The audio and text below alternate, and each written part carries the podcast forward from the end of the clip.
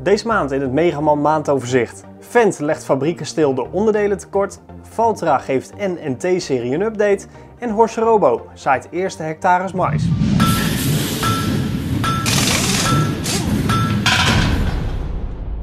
Trekkerbouwer Fendt sloot afgelopen maand de fabrieken in het Duitse markt Oberdorf en Asbach-Baumenheim.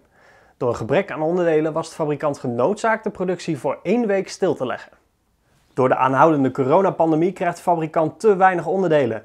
Met name de leverancier van gietstukken kon niet voldoende onderdelen leveren, waardoor Fendt de bestelde trekkers niet kon bouwen. Volgens Christophe Grublinghoff, directeur van Fendt, verkeert de industrie in een noodtoestand.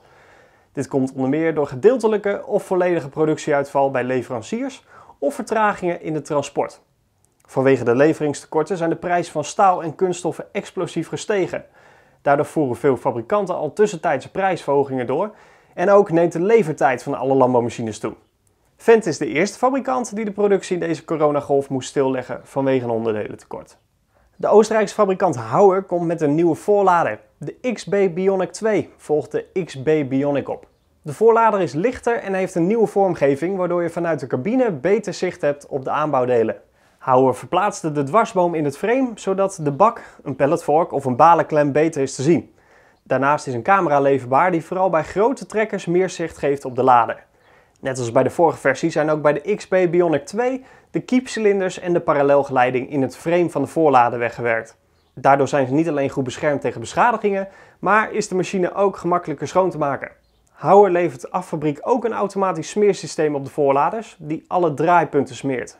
De XB Bionic 2 is er in 8 varianten. De kleinste is geschikt voor trekkers met een vermogen tot 48 kW, dat is 65 pk en heeft een maximale hefhoogte van ruim 3,5 meter. De grootste voorlader is voor trekkers met een vermogen tot 206 kW, oftewel 280 pk, en heft maximaal 4,8 meter hoog. De Fins trekkerbouwer Valtra heeft de vijfde generatie van de trekkers uit de N&T-serie geïntroduceerd. De trekkers hebben een nieuw display in de nieuw ontworpen cabine en meer transmissie- en GPS-functies. Meest opvallend is de display in de A-stijl die het instrumentenpaneel in het dashboard overbodig maakt. De bovenkant van het scherm toont de gangbare trekkerinformatie zoals de rijsnelheid, het toerental en de tijd. En het onderste deel van het scherm kan de bestuurder zelf indelen. De 4N-trekkers hebben zonder boost een motorvermogen van 99 tot 121 kW. Dat is 135 tot 121 pk.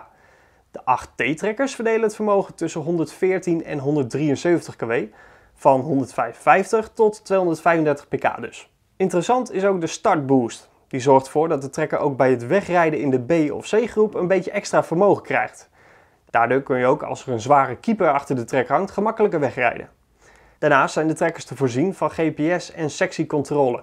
Auto U-Pilot is nieuw en combineert het kopakkermanagementsysteem met GPS en zorgt ervoor dat de machines op tijd worden uitgeheven of stoppen met hun werk. Volgens importeur Megan komen de vernieuwde trekkers in juli voor het eerst naar Nederland toe.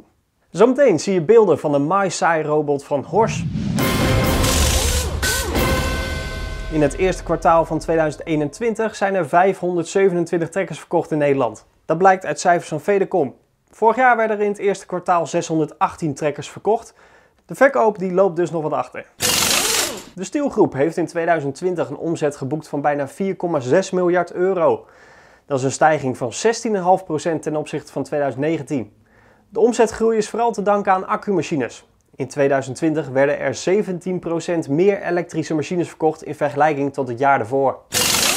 De Europese mechanisatiesector is goed gestemd. Dat blijkt uit cijfers in de Business Barometer van de SEMA. De stemming is sinds 2011 niet zo goed geweest als dat die nu is. Het goede humeur van de Europese fabrikanten is vooral te danken aan de hoge orde-intake. En dan nog dit. De Duitse machinefabrikant Horsch is meerdere autonome machines aan het ontwikkelen.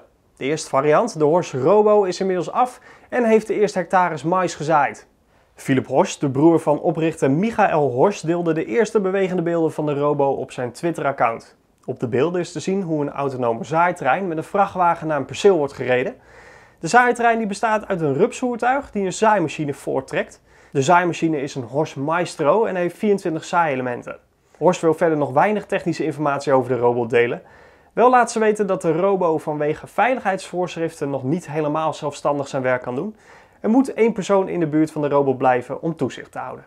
Horsch zou het niet alleen bij de Robo laten. Tegen het einde van 2021 wil de Duitse fabrikant namelijk nog twee autonome concepten presenteren.